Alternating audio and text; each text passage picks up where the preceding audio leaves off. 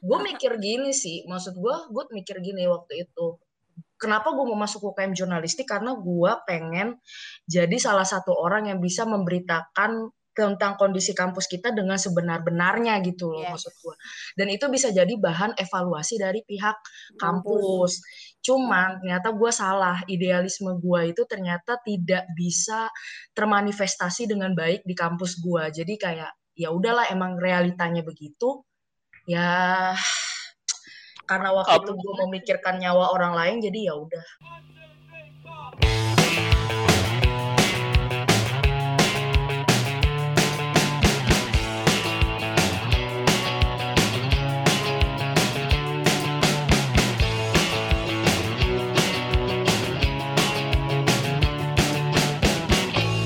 Selamat datang di Inspirasi Podcast, podcast yang seharusnya menginspirasi. Balik lagi bersama gue Salomo di Inspirasi Podcast di mana hari ini kita rekaman di tanggal uh, 31 Agustus. Uh, di sini gue udah ditemani oleh beberapa teman gue. Ada Clara. Halo. Hai. Ada Dina. Hai guys. Gimana kabar kalian berdua? I'm fine. Baik lah, udah Fine. jadian. Doing so great. far ya hari ini. So far. baik-baik aja sih. Belum ngerasain stres karena uh, udah mau musai, masuk kuliah?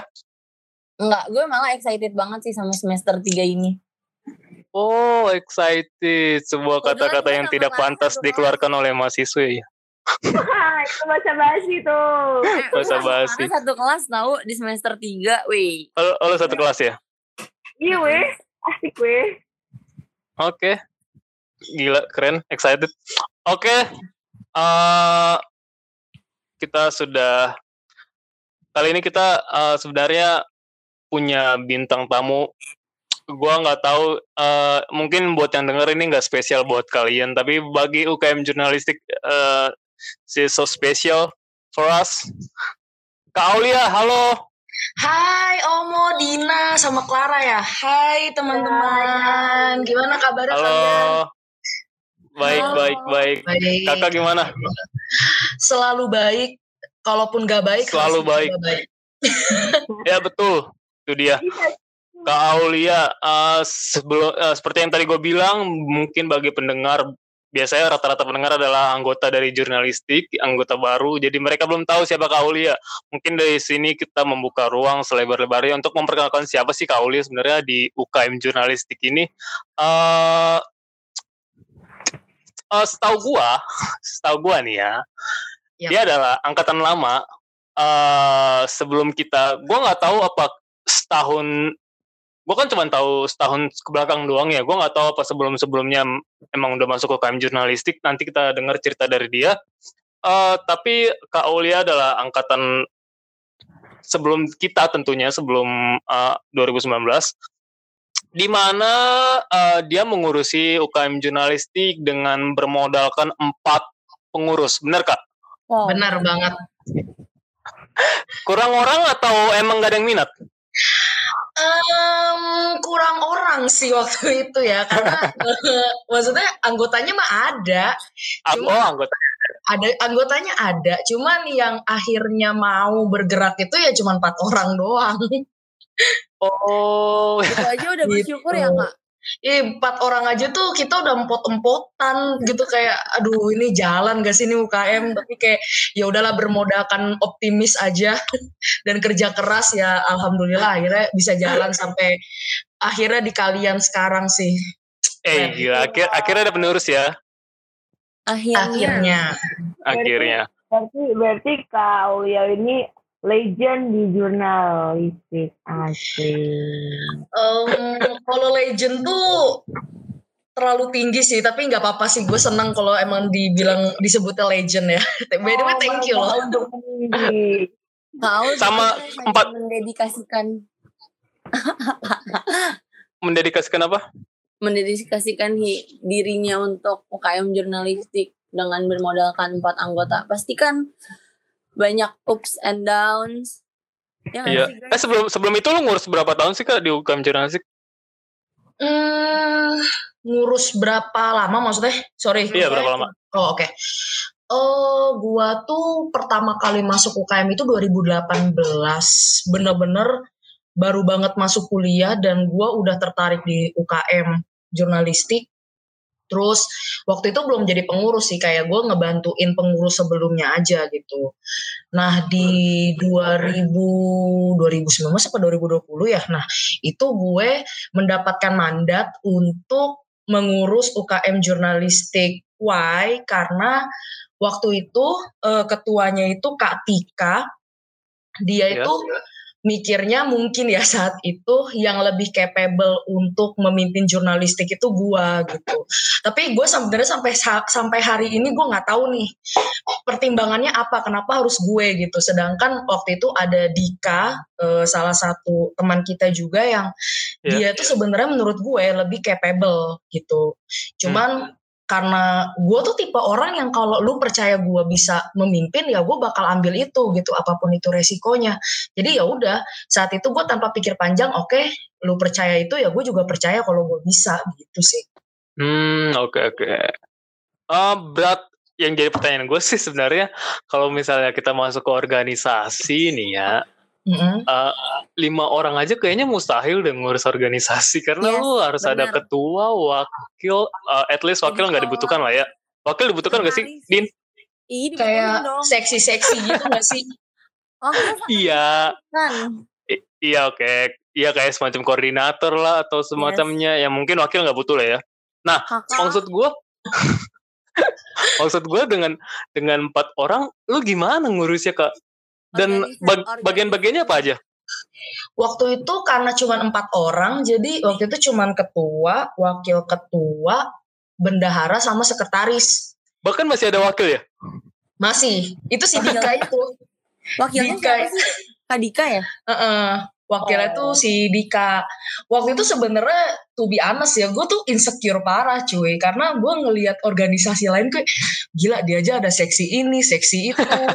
gitu kan nah terus tuh ya, ketika gue membentuk uh, apa namanya struktur organisasi itu gue tuh mikir anjir nih cuma empat orang doang isinya apaan coba gitu kan mm-hmm. udah deh kata gue ya udahlah emang ta, apa istilahnya SDM-nya ada cuma empat kan untuk saat itu jadi kayak ya udahlah uh, yang ada aja gitu karena lu mau nyari anggota baru juga susah kan saat yeah. itu karena yeah. pertama waktu itu kita sempat agak pospon karena memang ada peralihan kan dari kampus akademik ke universitas. Oh, okay. Iya, nah, uh -uh. karena posponnya itu lumayan lama, jadi tuh nggak ada program-program yang ajak yang kita punya gitu. Dan bagaimana kita mau ngajakin orang untuk mau jadi anggota kita, sedangkan kita tuh nggak punya produk yang menarik gitu. Ya nggak yeah. sih? Nah, bener, betul, betul. Bener. makanya itu gua nggak pede, Dika nggak pede, semua nggak pede. Yaudah kita pede-pedein aja lah jalan berempat gitu kan. Sampai akhirnya kita open recruitment lagi buat tahun selanjutnya, ketemu teman-teman yang sekarang. Nah baru gua udah tulus ya. Yep. Tapi kayak, kaget gak sih kak? Kenapa? Tapi lo kaget gak sih kayak pas ternyata di saat lo putus asa gitu kayak maksudnya lo dioptimisin gitu. Terus pas open recruitment tuh masih ada yang berantusias untuk ikut ke jurnalistik. Tuh biasa kaget sih gue kaget karena gila kok masih ada yang mau ya? Sedangkan waktu itu yang open recruitment juga sama kayak kita mereka tuh lebih jelas gitu.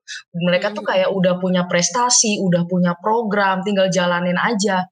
Sedangkan waktu itu UKM kita tuh bener-bener kayak yang apa ya bisa dibilang tuh nggak apa ya nggak nggak ada daya tarik. Alur alurnya belum ada kali ya?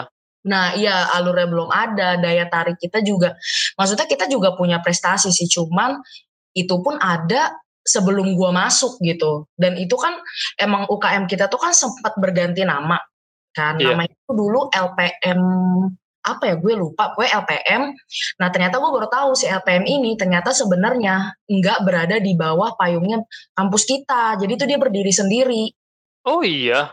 Iya. Oh kalian belum tahu ya? Belum. ya jadi bocoran. Gue tahu. Gue tahu nama itu.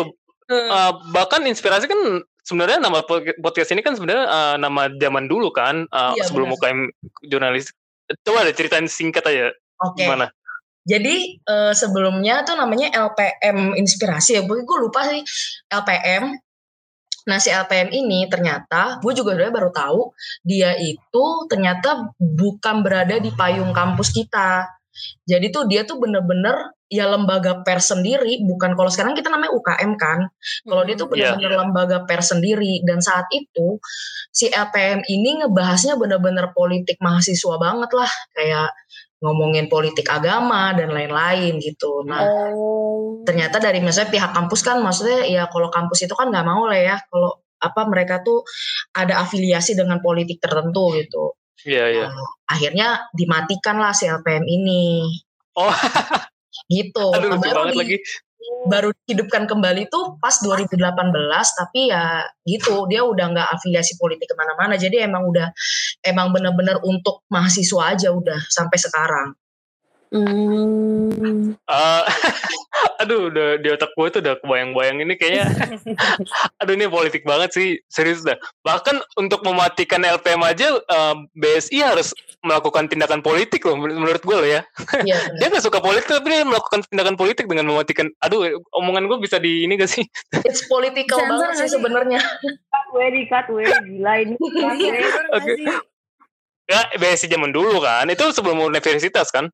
Iya, sebelum iya. universitas sih itu sebenarnya. Iya, harusnya universitas eh, kalau udah jadi universitas harusnya lebih dewasa harusnya.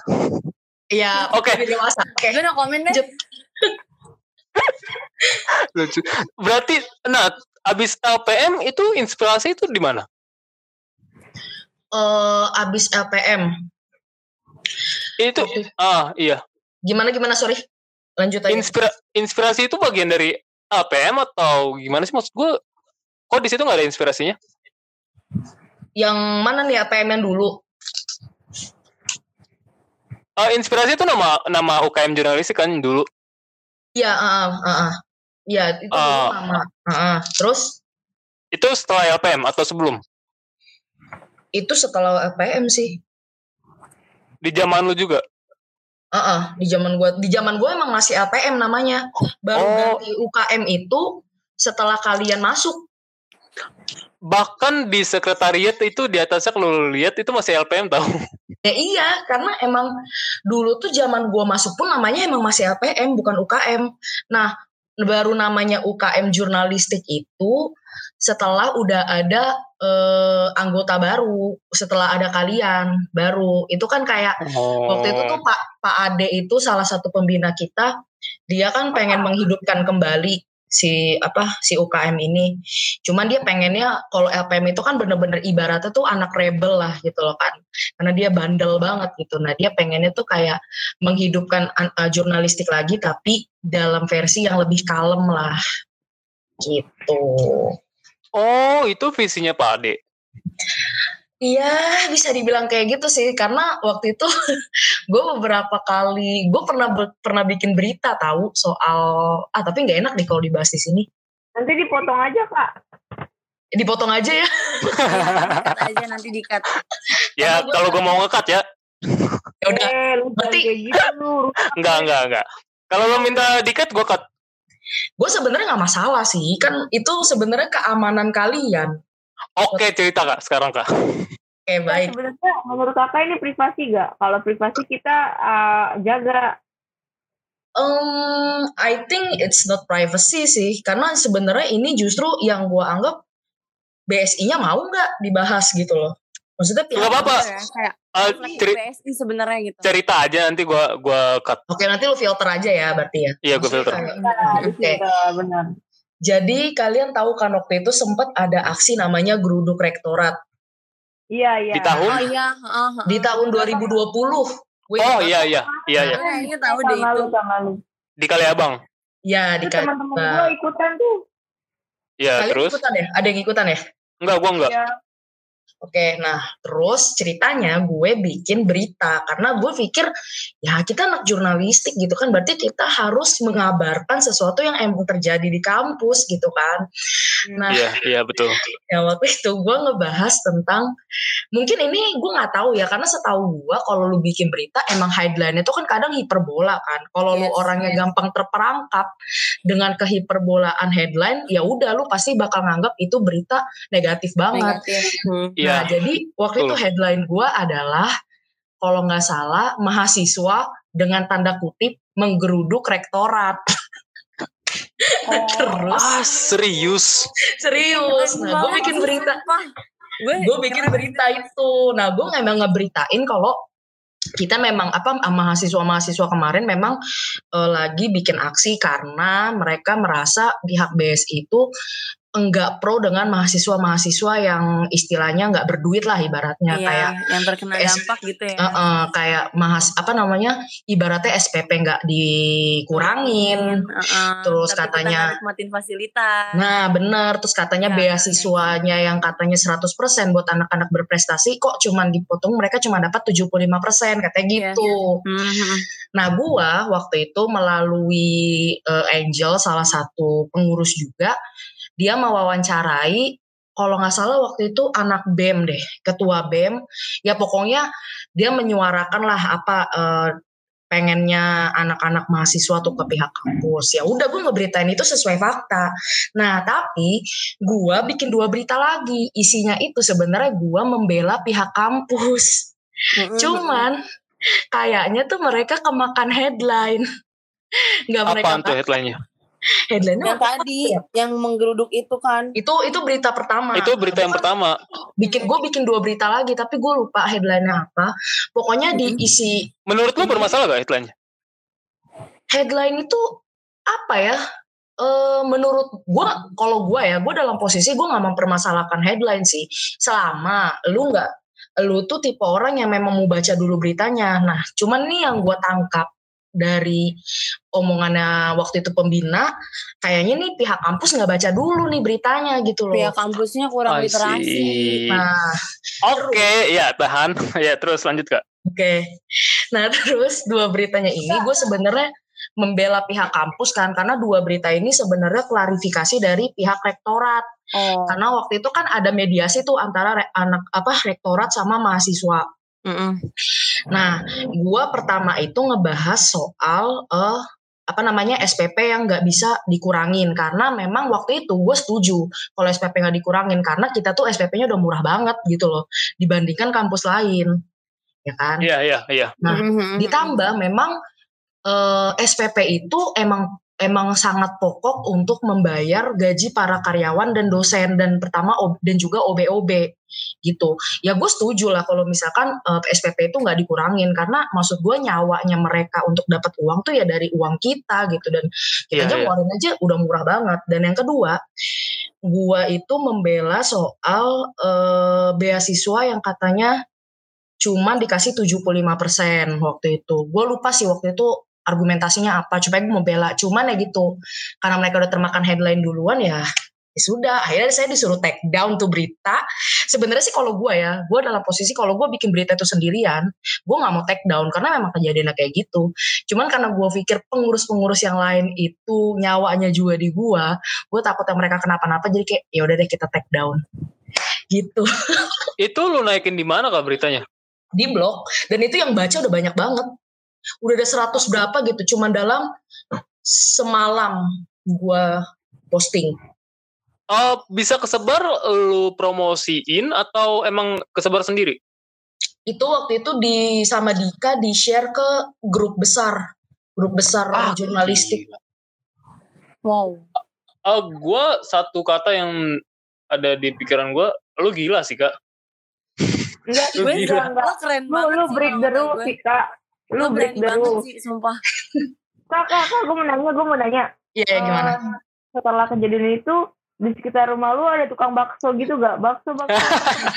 Bawa walkie talkie uh, bukan tukang bakso sih, kayak tukang, tukang itu sama. deh, tukang tahu apa deh? Tahu yang bulat ya, menda ya oh, tahu bulat.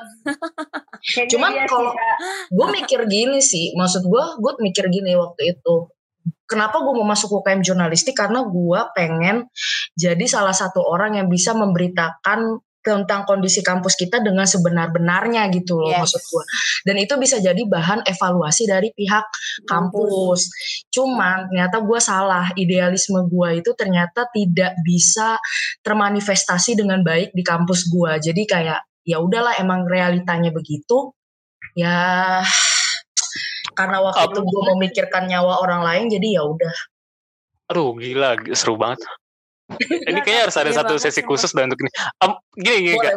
Sebenarnya uh, gua sebelum masuk UKM jurnalistik, alasan gue pengen masuk ke, gabung ke UKM jurnalistik adalah ini terlepas dari waktu itu gue belum tahu ya akan berita ini viral atau enggak. Gue nggak tahu bahkan beritanya ada atau enggak gue nggak tahu nih.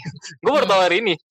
Uh, gue niat mau masuk ke jurnalistik karena menurut gue uh, kalau udah berhubungan jurnalistik berarti lu berhubungan dengan suatu uh, kaidah jurnalistik itu sendiri dong. Maksud gue lu mencari berita mengolah dan berbagai, berbagai macam uh, segala macam dah.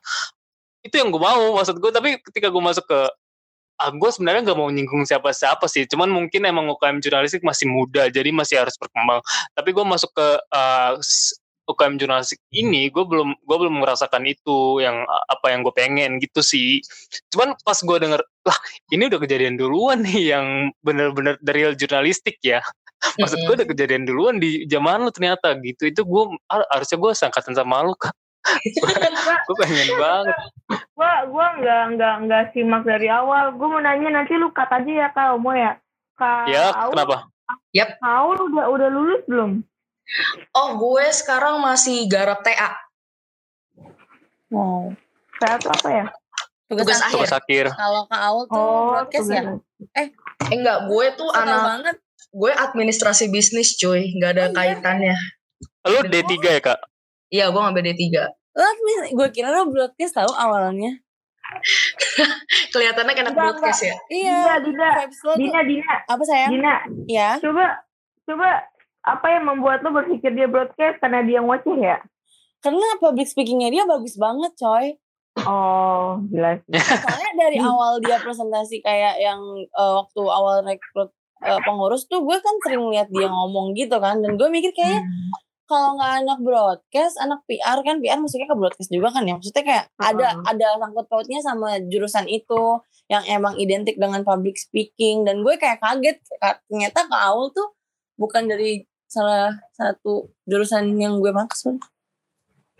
Oh. Berarti lu lulus kapan kak? Harusnya? Harusnya, gue harusnya lulus tahun ini. Cuman karena gue apa ya sebenarnya nggak boleh dicontoh sih. Gue tuh kuliah agak males ya orangnya. Gue tuh sumpah ya, gue tuh tipe orang yang kuliah itu sebenarnya buat nyari link. kan nyari ilmu anjir itu sebenarnya nggak oh, boleh nggak boleh iya, iya. ditiru nggak boleh ditiru jadi dulu tuh selama uh, kuliah kerjaan gue yeah. itu adalah ngebolang ke organisasi-organisasi gitu loh. Uh, uh, uh, gue nyari jadi link nyari skill. Lu kak, kak Kaul jadi lu hmm. udah berapa kali gonta ganti itu organisasi? Banyak banget tapi bukan organisasi di kampus ya gue organisasi luar sih. Uh, uh banyak banget. lu, lu belum nyampe di titik tercapek kan ngikut organisasi uh, sekarang justru gue ngerasa capek semenjak gue akhirnya udah menemukan karir gue gitu sekarang uh, apa ya gue gue mencoba untuk balik lagi volunteering sih sebenarnya cuman oh. emang gak terlalu aktif kayak dulu oke okay, oke okay. uh, okay. ya itu dia maksud gue uh, balik lagi ke topik gue belum ngasih tau topiknya apa sih cuman tadi sat, ada satu poin yang menurut gue uh, udah disinggung sama siapa tadi yang bilang Aku. literasi? Dina.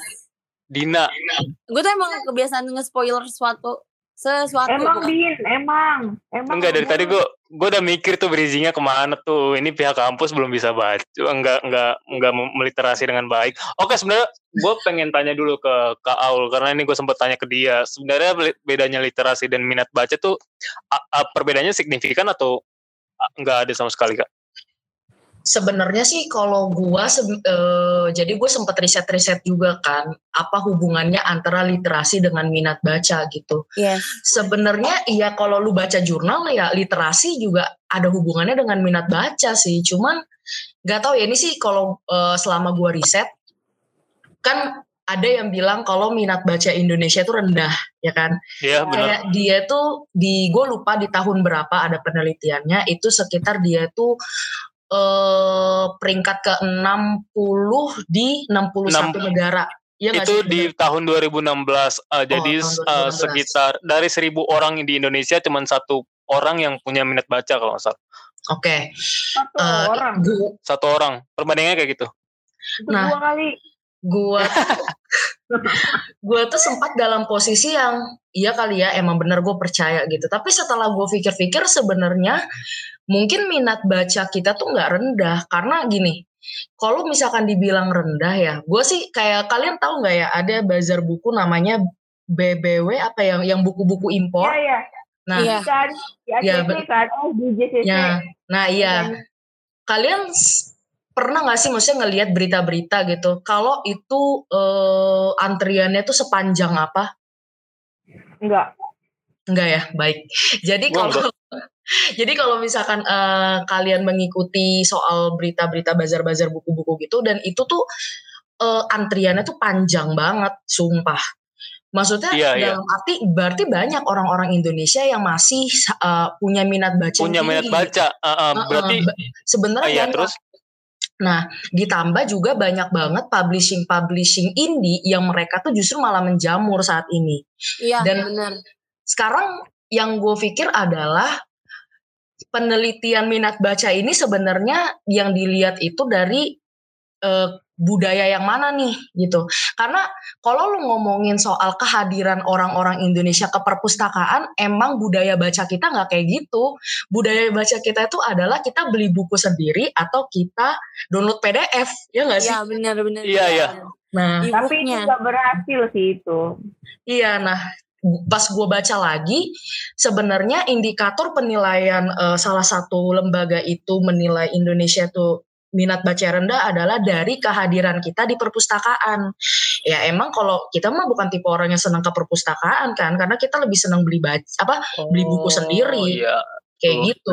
Karena logikanya adalah kalau misalkan memang minat baca Indonesia serendah itu, kenapa publishing-publishing indie malah masih menjamur sampai sekarang dan malah makin bertambah banyak? Makin banyak, makin banyak sampai banyak iya. yang difilmin juga kan buku-buku nah, mereka. Nah, buku-buku novel-novel yang akhirnya difilmin ataupun uh, apa namanya penerbit-penerbit yang kurang terkenal tapi banyak banget sebenarnya karyanya.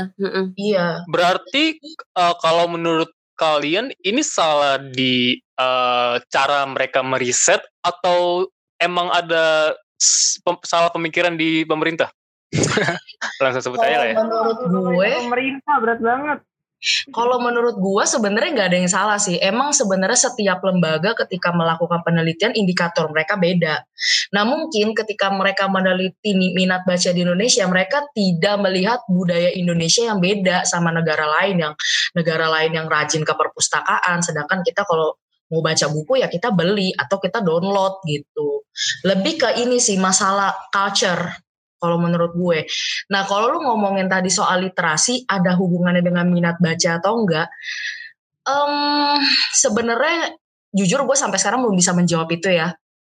Iya. Tapi kalau misalkan kita melihat dari uh, apa namanya pendapat-pendapat orang lain ya kita mungkin sampai saat ini bisa mengatakan ya ada hubungannya gitu kayak gitu sih dan menurut gua sekarang kualitas literasi kita juga udah nggak rendah-rendah banget ya karena banyak banget juga orang-orang yang lebih paham ketika mereka baca satu berita dan gak langsung sungguh pendek gitu karena karena yang gue lihat nih rata-rata justru orang-orang yang literasinya kualitasnya rendah mohon maaf banget itu adalah para boomers. Kalian tahu boomers gak sih? Boomers itu apa?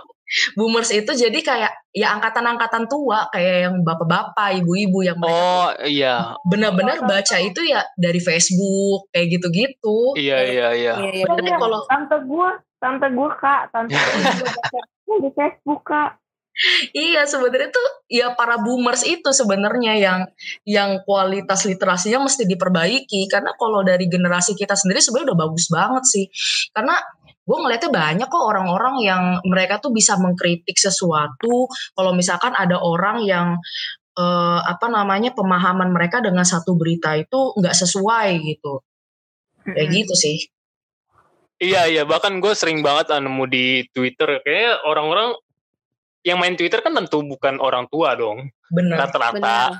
Rata-rata. Uh, gue dan gue sering banyak banget nemuin uh, kalau mereka tuh udah mulai kok beritanya uh, judul judul dan isinya tuh beda, ya beda. ya gitu.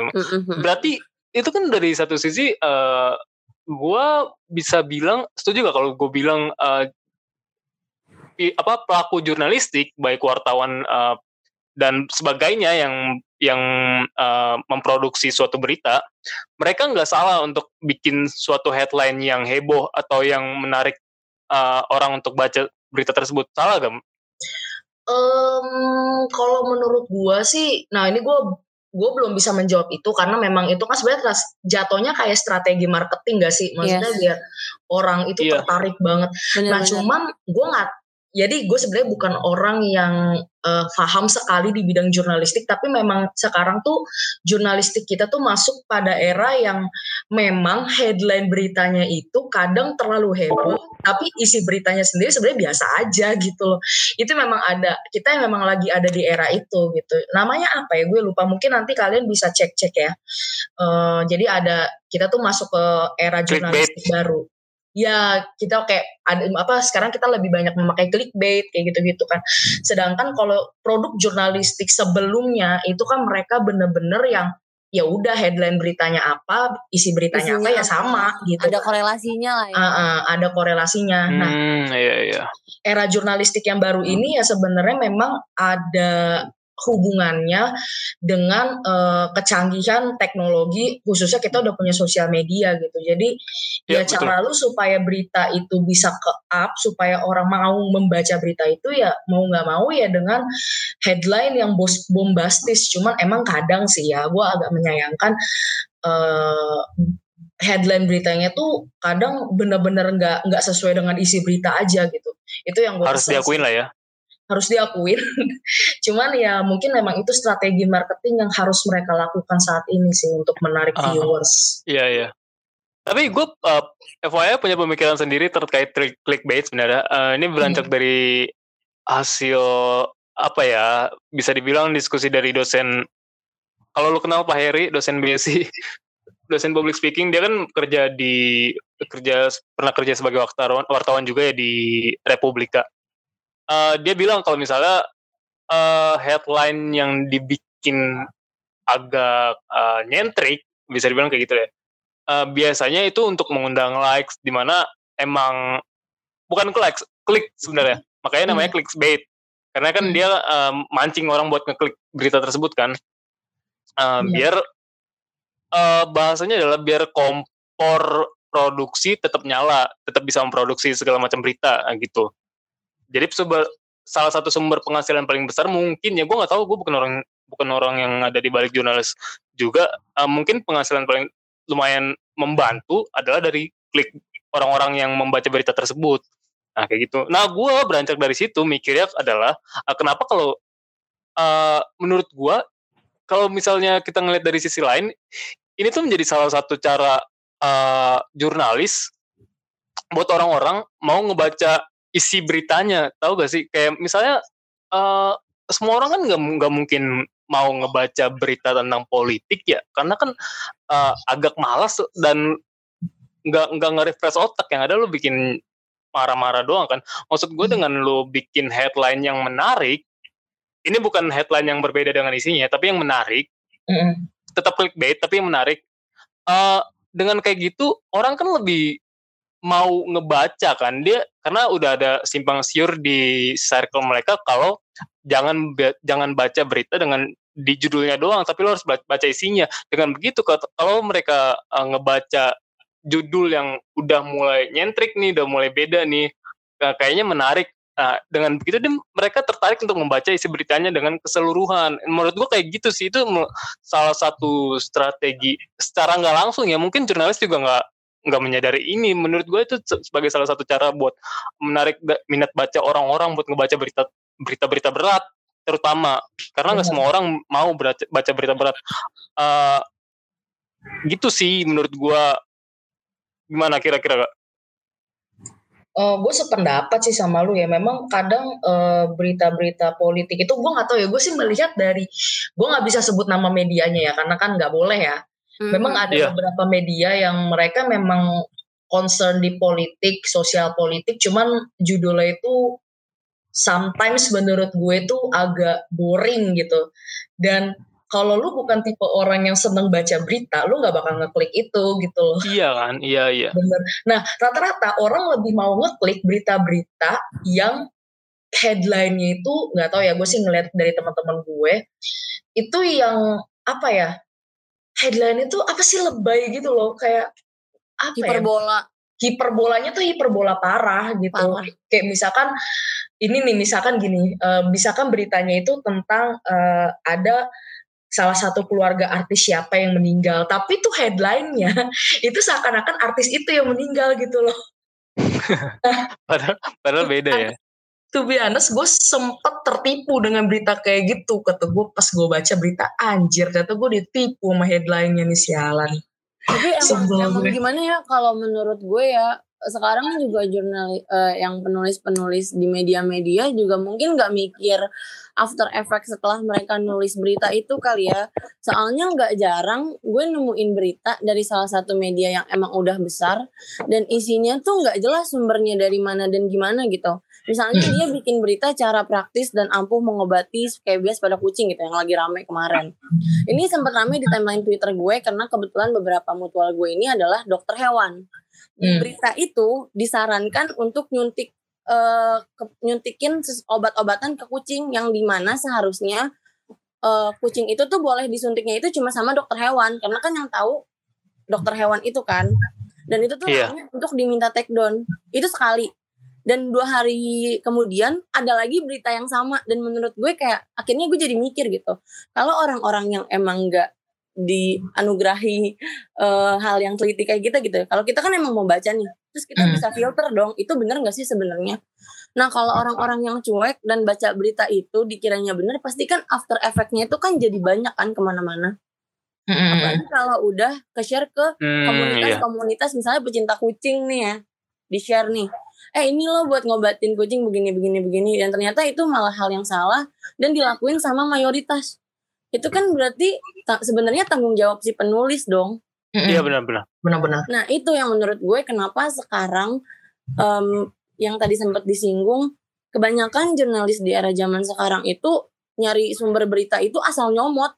Kayak dari Twitter ini kan ada viral tweet gitu-gitu kan. Kayak ada mm. rame tentang misalnya uh, sexual harassment atau dia dilecehin atau berita-berita lain lah yang rame penipuan dan lain-lain itu tuh tanpa izin tanpa konsen dari si pembuat tweet udah dimain masukin aja tuh ke berita. Terus giliran udah viral dimintain untuk take down mereka tuh nggak mau. Itu sering banget gue lihat. Hmm, benar-benar. Media-media sekarang kayak oh ternyata tuh yang bikin orang jadi males masuk ke hal-hal ini tuh kayak gitu ya karena kebanyakan sekarang gue nggak menyamaratakan sih ya. Cuma mostly yang gue lihat penulis-penulis dari media bahkan media besar pun asal nyomot aja gitu tanpa konsen sama yang pembuatnya atau korbannya. Dan itu yeah, yeah, punya efek gitu loh. Benar-benar. Iya sih uh, dia ya emang menurut gue sih ada beberapa jurnalis yang uh, dia tanggung jawab lah Iya, gue agak ragu ngomong kayak gitu. Ya semoga uh, jurnalis akan kembali ke tugas mereka sebagai uh, benar benar benar kontrol sosialnya masyarakat ya. Benar benar. Uh, ya gitu. Uh, untuk menenangi uh, pikiran kita yang udah mungkin selalu udah terlalu tinggi, gue pengen nanya dong uh, bacaan pertama kalian tuh apa sih? Hmm. Dimulai dari Clara kali ya. Clara, Ingat gak bacaan di luar dari ini ya, di luar dari bacaan sekolah ya, buku-buku sekolah ya. Uh, buku pertama yang lo baca tuh apa? Buku novel. Apa pun itu. Oh, yang pertama kali gue baca novel. Oh, novel. Kan lu bilang di luar ini kan. Um, Berat ya? kan? Masih ingat judulnya? Ya, itu hmm, apa gue? Bentar-bentar, suara lu agak menggema ya? Oke, ke Dina dulu kali ya. Dina, bacaan pertama lu apa? Kalau gue itu, oh kebetulan keluarga gue tuh keluarga yang suka baca. Cuma under 15 years old kayak sebelum gue 15 tahun itu emang gue nggak boleh baca novel dulu sama orang tua gue. Why? Gue nakal. Oh. Karena kan ternyata novel novel-novel yang genrenya romance dan lain-lain itu kan khusus untuk 13 tahun sampai 15 tahun ke atas gitu kan. Nah nyokap gue itu uh, berusaha supaya gue nggak baca itu dulu. Jadi gue dilangganin majalah Bobo. Sebenarnya bukan dilangganin sih. kayak, kayak om gue itu uh, kebetulan apa ya kayak gue tuh dapat majalah majalah Bobo itu dari om gue. Nah terus gue tertarik tuh sama cerita-cerita yang ada di majalah Bobo kayak Nirmala, terus Paman Gober dan lain-lain. Dari situ gue mulai baca-baca buku. Kalau novel pertama itu gue bacanya dari Esti Kinasih gue inget banget itu novel pertama yang gue baca. Judulnya Cinta Andromeda. Oh iya ya gue tahu tuh gue tahu. Iya itu gue baca gara-gara gue nemenin abang gue ke Kuitang beli buku pelajaran. Terus gue kayak ini apa sih kok? Covernya lucu banget gitu. Dulu bilangnya sampul bukunya kok lucu ada gambar orang-orang. Gue mas bahkan gue masih inget uh, sampul itu novel ya meskipun novelnya udah nggak tahu ke mana sekarang kayak dari situ gue hmm. iya iya berarti lu uh, keluarga keluarga lu sempat uh, nerapin aturan buat lu nggak baca novel dewasa ya Iya, keluarga gue tuh dulu sempat kayak yang nyokap gue sih lebih kayak yang kayak strict parents gitu ya. Iya, kayak misalnya gue baca novel nih, gue tuh nggak boleh. Jadi gue dikasih bacaannya tuh yang emang khusus buat anak-anak seumur gue kayak majalah Bobo terus dulu gue dibeliin majalah gaul cuma kayak buat lihat-lihat gitu yang emang nggak okay. boleh baca novel jadi gue kenal novel itu pas gue SMP hmm iya yeah, iya. Yeah. oke okay, kau ke Aul dulu. Iya kau gimana? Bacaan okay. pertama lo apa sih kak? Bacaan pertama ya gue sebenarnya uh, gue agak-agak lupa tapi yang gue inget aja ya. Um, yeah bacaan pertama gue tuh gue nggak tahu apakah ini serius apa enggak ya gue tuh dari kecil suka banget sama sejarah wow. jadi orang tua gue itu sel kok gue tuh tipe anak yang dulu kalau misalkan gue ke mall gue selalu minta ke Gramedia itu wajib gitu nah akhirnya gue tuh diperkenalkan lah dengan buku-buku sejarah sejarah Grame oh. Gramedia itu gerejanya Coki ya Oh iya benar gerejanya iya. Paman Coki ya, oh, pengikut juga ya baik-baik. Iya. nah, jadi gue tuh waktu itu ya namanya anak kecil masih TKB kayaknya ya. TKB gue diarahkanlah ke buku-buku sejarah tapi sejarah tokoh nasional yang memang untuk anak kecil gitu. Terus juga eh, apa sejarah sejarah dunia sejarah tokoh-tokoh nasional. Mm -hmm uh, terus juga apa ya buku-buku penelitian fisika gitu sih gue inget banget dulu oh. dari Profesor Surya. Iya, keren banget. Gila lu berat banget bacaannya. Seket, lu waktu itu umur berapa? Seingat lu?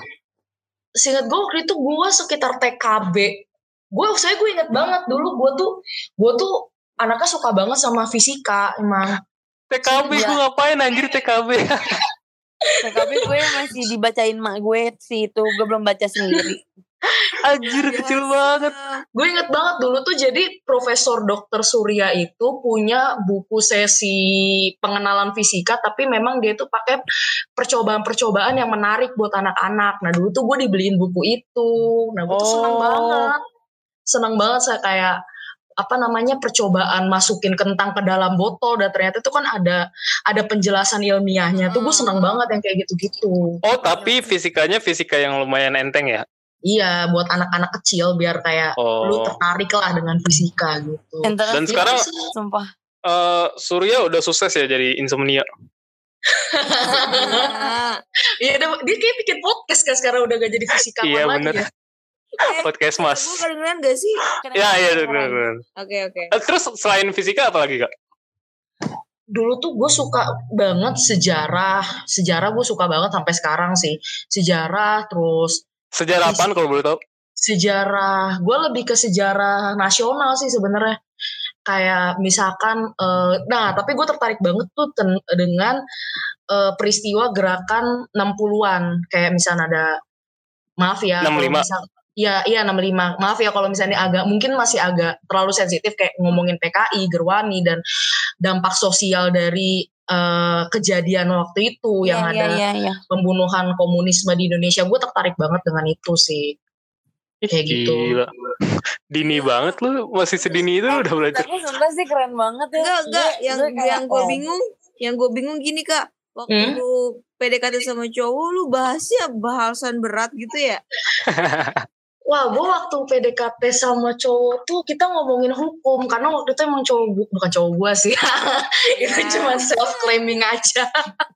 cowok orang, cowok orang. Eh enggak, zaman sekarang tuh zamanan temenan tapi sayang, jadi temen aja temen semua temen. Ya gimana ya, emang apa ya bah, gak tau sih gue emang orangnya seserius itu, sorry ya, jadi gue tuh agak agak tidak kurang lucu gitu kan. Cuman ya, tapi ini lucu kok di sini. Oh iya, oh thank you.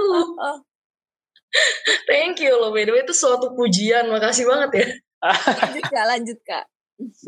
Iya, kan gue gak apa-apa deh gue ngebahas yang tadi pertanyaan Clara. Kalau gue biasanya, gue itu tipe orang yang sumpah ya, gue suka banget sama cowok yang pinter, terutama pakai kacamata. Iya, iya. Gue suka banget, sumpah mau lu. Oh mau, mau banget dong kak. Um, Omo, Omo gimana? Jadi kayak gue suka banget emang sama cowok-cowok yang pintar terus kayak kalau gue ajakin ngobrol tentang misalkan tentang gender, tentang sejarah tuh mereka nyambung gue suka banget itu nilai plus gitu. Nah biasanya ketika gue lagi deket sama orang gitu, lagi deket sama seseorang ya gue bakal ngebahas yang uh, topik yang dia maksudnya interest juga kayak gitu. Nah kebetulan memang gue selalu berhubungan dengan orang-orang yang emang pinter banget aja sih. Kadang gue suka insecure. Oh iya. Yeah. Dan kayak gitu. Itu dan biasanya aja by the way. Iya. dan biasanya dan biasanya kalau orang kayak lu uh, topik apa aja masuk tuh kak? Nah, uh, alhamdulillahnya begitu sih. Nah, jadi, nah kecuali iya kan? tapi gue nggak akan masuk kalau lu ngomongin gosip artis yang lagi foto gue. iya benar-benar to be honest gue bukan pengikut lambe turah Ih sama, gue juga bukan followingnya. Kaul, kaul. Yap, yap. Jadi, nah kesimpulannya teman-teman yang dengar podcast, kalau mau deket sama Kaul, baca buku banyak-banyak ya. Yep, that's right. Benar. Uh, kalau misalnya kalau misalnya ada cowok yang deketin lu dan dia uh, cukup pintar tapi pas dia ketemu lu kacamatanya pecah jadi dia ketemu lu dengan tanpa kacamata pasti suka gak? ya ya itu tidak akan mengurangi value-nya kan yang penting dia pinter. sih karena kalau pinter tuh punya daya tarik tersendiri. Itu, itu mendeskripsikan si Salomo kak. Iya, aku tuh udah siap-siap kalau kacamatanya pecah dia punya kacamata back. Aku udah gak udah gitu. Gua. Kebetulan gue bego ya. lu langsung self claiming kalau lu bego ya. Kak, Kak Salomo dari tadi yang ngalir mulut-mulut lu doang. Gue mah dia diem Iya. Bener. Enggak, enggak tapi gue gue ngerasa lu open minded sih. Uh, ah, gue salah satu uh, hal yang tertarik dari lu adalah lu waktu itu lu kalau nggak salah di uh, lu ya kak yang jadi yang pernah magang di Amnesty. Iya. Wis. Iya kan. Itu menurut gue ah gila gokil keren banget. Kok lu bisa masuk situ kan sih? Maksud gue keren hmm? sih. Karena waktu itu itu semua bermula dari 2019 waktu itu emang gue volunteering yang bisa dibilang cukup aktif sih. Jadi tuh waktu itu di oh. Amnesty itu kan di jadi tuh namanya Amnesty uh, dia tuh punya namanya grup aksi. Grup aksi itu adalah grup-grup yang isinya volunteer-volunteer yang membantu mereka untuk menyebarkan uh, mengenai isu hak asasi manusia. Cuman kalau grup aksi ini memang lebih aksi gitu. Nah saat itu gue di Amnesty, gue tergabung di namanya grup aksi Amnesty Meaningful Movies, which is kita memberikan edukasi soal HAM melalui film. Nah di situ gue memang udah beberapa kali bikin acara untuk edukasi HAM melalui film. Kayak waktu itu gue ngebahas tentang tragedi 98 dengan dua film yang gue puter yaitu namanya Chinese Whisper. Dia itu ngebahas tentang rasialisme di Indonesia yang sempat wanita-wanita Tionghoa menjadi korban pemerkosaan iya. uh, bikin apa ngajain nonton film yang waktu itu um, mengisahkan anaknya Ibu Sumarsih namanya Wawan dia menjadi korban dari tragedi Semanggi satu iya. di oh. di mana sih gue lupa kampusnya ya, di Trisakti? Bukan Trisakti uh, dia itu di mana ya? Oh, Sumarsih? Sumarsih bukannya enggak dia anaknya Trisakti bukan oh bukan. bukan, bukan uh, Wawan itu Atma Jaya anak Atma Jaya dia itu dulu. Oh. dia, dia waktu itu ditembak oleh uh, petugas pengamanan waktu itu. Padahal saat itu Wawan itu sedang tidak menjadi uh, aksi demonstran. Tapi dia tuh waktu itu lagi jadi uh, orang paramedis. Orang paramedis itu kan sebenarnya nggak boleh kan? Dia kan dilindungi. Tapi dia malah ditembak. Yeah. gitu. Nah dulu gue pernah bikin acara nonton film itu. Kayak gitu. Nah akhir dan gue juga waktu itu membantu Amnesty untuk mengkampanyekan agenda mereka namanya PENA yaitu menuntut pemerintah supaya beberapa isu HAM yang dibawa oleh Amnesty itu bisa cepat selesai kayak gitu. Ah, gue ikut tuh. Oh lu ikut uh, ya? PENA PENA enggak enggak gue gue ikut tanda tangan. Eh, itu dia ngajuin tanda tangan ke presiden kan? Iya, iya. Oh iya lu ikut iya ya? Iya sih? Iya benar benar benar. Waktu itu waktu itu uh, sasaran kita tuh presiden, DPR sama Kemens apa Kementerian Sekretaris Negara waktu itu. Nah waktu itu gue berhasil mengumpulkan 200 tanda tangan sendirian. Ya, which is it's not easy tapi oh, ya udahlah. Iya betul. nah ini kenapa? sorry sorry, motong. Waktu itu lu ini gak uh, minta tanda tangannya di sekitar Bundaran HI pas Car Free Day gak? Oh kalau gue nggak, waktu itu gue minta tanda tangannya justru gue ke kampus-kampus kalian. Oh tapi emang ada ya uh, yang di Car Free Day? Ada, ada juga. Kita waktu itu ke Car Free Day juga, ke acara-acara kampus juga. Oh. Iya, soalnya gue inget banget dulu gue tanda tangan juga. Buat oh, petisi gitu. Gue tanda tangan juga? Heeh, sampai sekarang tanda tangan gue nggak tahu buat diapain. Tenang, sekarang tanda tangan lu udah ada di meja DPR, lalu juga Mensesnek sama Jokowi. Santai. Tunggu tunggu. Sebelum sejauh itu, uh, ini kita kasih tahu ke teman-teman kalau misalnya waktu zamannya Kak Aul, lu pernah bikin suatu acara uh, webinar ya? Webinar atau workshop sih? Itu webinar. Enggak, oh iya webinar. Tahu dulu kak tahunnya berapa biar jelas sama teman-teman. 2000 2020 ya. Dua, 2020. Bener gak sih kak 2020 bener, ya? 2020. Setahu gue 2020 akhir dah. Karena waktu itu gue nagih ke kasih ke siapa ya? E, kartu persnya kapan keluar ya? gue gue nagih kayak gitu. iya gak sih? Iya iya benar. Benar itu emang tahun iya, 2020. Iya, Dan waktu iya, itu akhir lagi, 2000, 2000 waktu itu lagi ngebahas iya, 2020 soal, kayak gitu. Uh, negara yang harus menjamin perlindungan kepada para penegak pejuang HAM. Nah, iya. Kalau nggak salah di akhir acara lu minta uh, orang yang hadir webinar untuk jadi volunteer buat ikut pena ya? Bener gak sih? Bener. Bukan volunteer ikut pena sih, tapi jadi volunteer untuk grup aksi. Uh, salah satu grup aksi yang waktu itu mengadakan acara itu. Oh, Iya di situ gue tanda gue lupa di situ. Cuman uh, belakangan yang uh, ada petisi kalau lu per, lu tahu gak sih kak ada petisi tentang ini pas di hari kemerdekaannya ada petisi tentang RU RU uh, UU ITE maksud gue yang meng, oh. mengarah tentang kebebasan berpendapat. Nah itu kan bahasanya kan pena ya. Nah itu gue tanda tangan tuh di situ. Oh, lu tanda soalnya gue sekarang jujur ya, gue udah nggak aktif lagi di Amnesty. Karena Oh, lu gak aktif lagi? Udah nggak aktif lagi karena uh, gue nggak bisa membagi waktu antara kerja dengan volunteeran gitu. Gitu sih. Tapi Cuma, um, hmm? masih ngikutin perkembangannya? Uh, sekarang sih nggak terlalu ya. Kalau perkembangan soal organisasinya sendiri gimana, jujur gue udah nggak ngikutin. Tapi kalau isu-isu yang mereka bawa, gue selalu ngikutin karena gue selalu dapat newsletter dari mereka. Hmm. Oh ngomongin iya, iya. pena, gue kemarin enam hari yang lalu deh kalau nggak salah, gue tuh ikut space-nya Amnesty tuh. Lagi oh iya. Ngomongin, iya, jadi di Twitter juga mereka aktif, mereka bikin ngomongin UIT ITE Iya iya di Twitter dan kebebasan berekspresi gitu. gue mantengin kayak banyak banget sih. Emang, uh, dan balik ke pertanyaan Clara tadi tanda tangan kita dikemanain kak tanda tangan kalian uh, gue ngebahasnya tapi yang pena-pena kemarin ya. Karena kalau yeah, yeah. jujur gue udah gak ngikutin. Jadi emang tanda tangan kalian itu masuk ke uh, meja DPR dia waktu itu komisi berapa ya gue lupa. Ada kan komisi-komisi yang memang yeah. mereka uh, ngehandle sesuai bidangnya ya?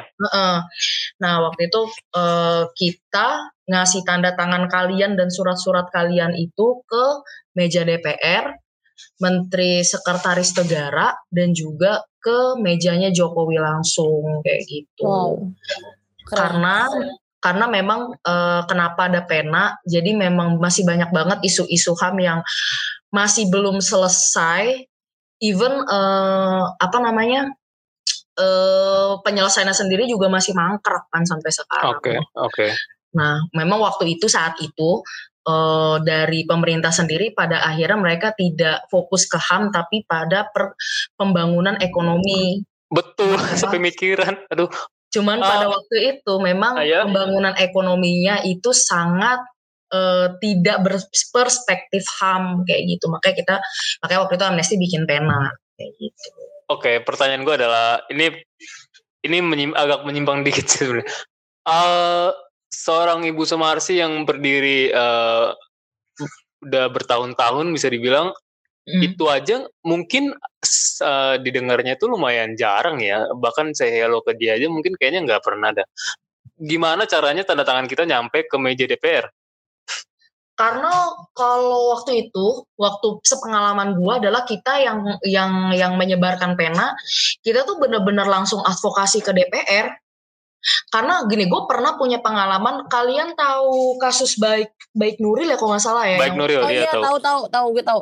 Waktu itu gue sama teman-teman dari Amnesty kita sama-sama advokasi ke DPR waktu itu. Baik Nuril yang ini kan dia guru yang dipersekusi ya, yang, kepala sekolahnya uh, ya? Uh, uh, yang dipersekusi padahal sebenarnya dia korban dari ya, dia korban dari harassment iya. itu.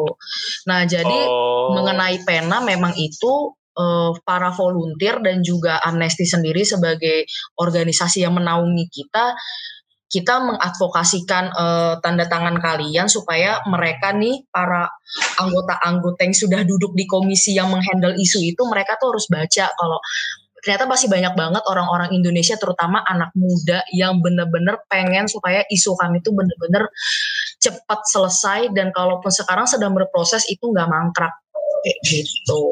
Oke, okay. the question is, apakah ada perubahan? The question is bagus banget.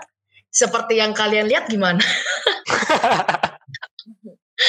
Karena apa ya sebenarnya penyelesaian HAM itu memang harus ada political will dari pemerintah dan orang-orang di dalamnya. Nah, sampai saat ini memang sayang banget political will itu memang belum ada. Justru malah political will itu ada dari orang-orang yang nggak ada di dalam pemerintahan itu sendiri gitu. Dan memang sebenarnya kita sebagai masyarakat sipil memang harus gitu nggak sih? Karena kalau misalkan dari pihak negaranya aja nggak bisa peduli dan kalau kita masyarakat sipil tutup mata, ya itu nggak akan selesai semua. Justru negara itu baru bertindak kalau misalkan ada uh, tekanan dari kita nih sebagai iya, masyarakat ya, benar, sipil. Benar, benar kayak Kenapa? gitu dan memang itu yang harus dilakukan sih. Bener bener bener. Gue setuju sih kak. Soalnya dari banyak case yang kebelakangan ini baru ditindak kalau udah viral. That's why kenapa kita harus ngegunain media dengan sebaik mungkin. Karena kalau nggak viral di media itu tuh nggak akan ditanganin kalau menurut gue ya. Apalagi kayak kasus lo tau gak sih yang waktu itu ada uh, berita tentang begal payudara? Oh mm. gue yakin kalau itu nggak viral itu nggak akan digubris sama uh, pihak berwajib sorry itu saya ya. Soalnya kayak ke, uh, mereka aja kan masih tutup mata gitu sama sexual harassment. Dan mm -hmm. kenapa lo bilang tadi emang, emang harus dapat tekanan baru bisa ditindak? Karena gue beberapa kali ngeliat case emang harus viral dulu baru bisa ditindak. Bener bener banget. Makanya tuh gue bilang kalau kita mau nungguin political will itu mau sampai kapan gitu. Sedangkan yang namanya manusia kan ya gitulah kalian tahu lah kalian manusia gitu kadang kan kita punya keinginan kita sendiri sampai akhirnya political will yang tadinya tuh sempet ah gue pengen nih yang sign ham kalau gue jadi presiden atau kalau gue berada di pemerintahan tapi kan setelah kalian berada di sana kalian bertemu dengan orang-orang yang ternyata punya kepentingan yang sama kan akhirnya tidak jalan tuh political will gitu. By the way, ini kita omongannya agak politis. Gue ngeri sih. Gue gue kayak banyak banget. Kita gak sih? Iya. Soalnya iya. jujur ya kak, Al yeah. itu tuh bener-bener interesting banget. Gue aja dari tadi dengernya kayak gila anak TK bacanya fisika. Di mana gue masih dibacain mak gue gitu. Terus kayak jadi berlanjut. Terus ikut di pot. banyak value. Gue harusnya ikut di episode pertama dan kedua Gila, itu yang eh episode kedua atau ketiga ya? banget sih.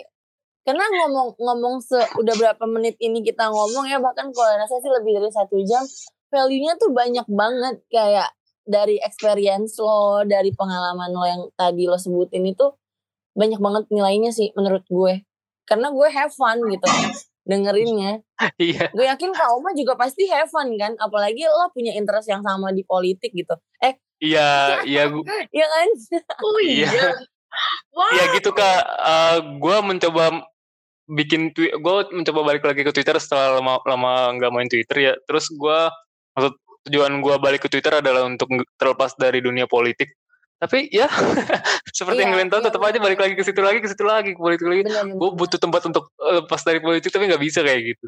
Maksud gue ya asik aja dibaca. Dan gue butuh uh, apa ya bisa dibilang ya butuh diskusi semacam ini gitu gue gue selama ini tuh cuman uh, tektokannya di sosial media yang mana gue nggak punya teman diskusi gitu sih dan gue ngeliat lu bener, bener. harusnya lu lu bisa lu harusnya di podcast pertama eh podcast kedua yang pers pers iya iya itu harusnya lu ada tuh kak aduh gue soalnya gua kurang emang tahu. beneran emang beneran ini sih gue juga ngerasa di Twitter ya di platform itu kan emang banyak media sosial nih sekarang. Hmm. Tapi gue merasa merasa lebih comfort di Twitter karena emang kebetulan mutual-mutual gue tuh enak kak untuk diajak diskus gitu kayak hmm. tentang seks edukasi gue kan emang lebih interestnya kan ke seks edukasi ke tentang perempuan gitu kan ke isu-isu perempuan nah di sana tuh banyak teman-teman gue untuk diskusi tapi buat yang secara langsung kayak tadi apa yang kak Omo bilang tuh gue jarang nge-match gitu sama orang-orang yang punya ketertarikan yang sama kayak gue tuh agak susah yeah. sebenarnya. Jadi hmm. kenapa gue milih untuk uh, kayak ada kan sekarang apalagi Twitter ada ada apa ya? Space. Space, iya. Di situ tuh gue suka jadi speaker gitu kayak tentang uh, bahas seks edukasi, terus isu-isu perempuan. Gue bahkan pernah ke Magdalene tuh kalau lo tahu Oh iya Magdalene. Iya, oh Magdalene gue juga follow tuh. Iya gue. Wah. Gue pernah gokil, sekali gokil. diangkat jadi speaker buat ngomongin itu. Makanya kayak gue ngomong sama kalian tuh kayak seneng aja gitu gue bawaannya happy apalagi tadi ada Clara juga kan. Kayak nggak berasa hmm. gitu waktunya ya enggak sih? Iya iya.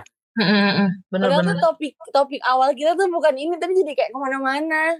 tapi biar nggak biar nggak nyerempet. uh, gue happy. Gue balik lagi ke sebenarnya kan untuk untuk mencapai pemikiran uh, eh, gue mungkin nggak bisa bilang kalau uh, gue gue gue uh, gimana ya ngomongnya?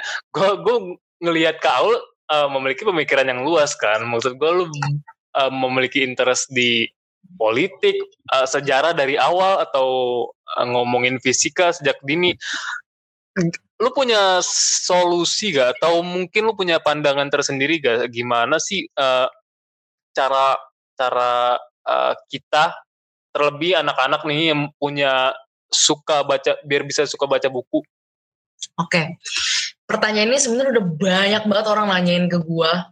Jujur, yeah, yeah. kalau ditanyain gue juga nggak tahu kenapa. Tapi kalau ini bisa gua analisi apa analisis sebenarnya cara lu untuk bisa suka baca buku tuh gampang kok. Lu tinggal cari aja buku yang maksudnya genre yang emang lu suka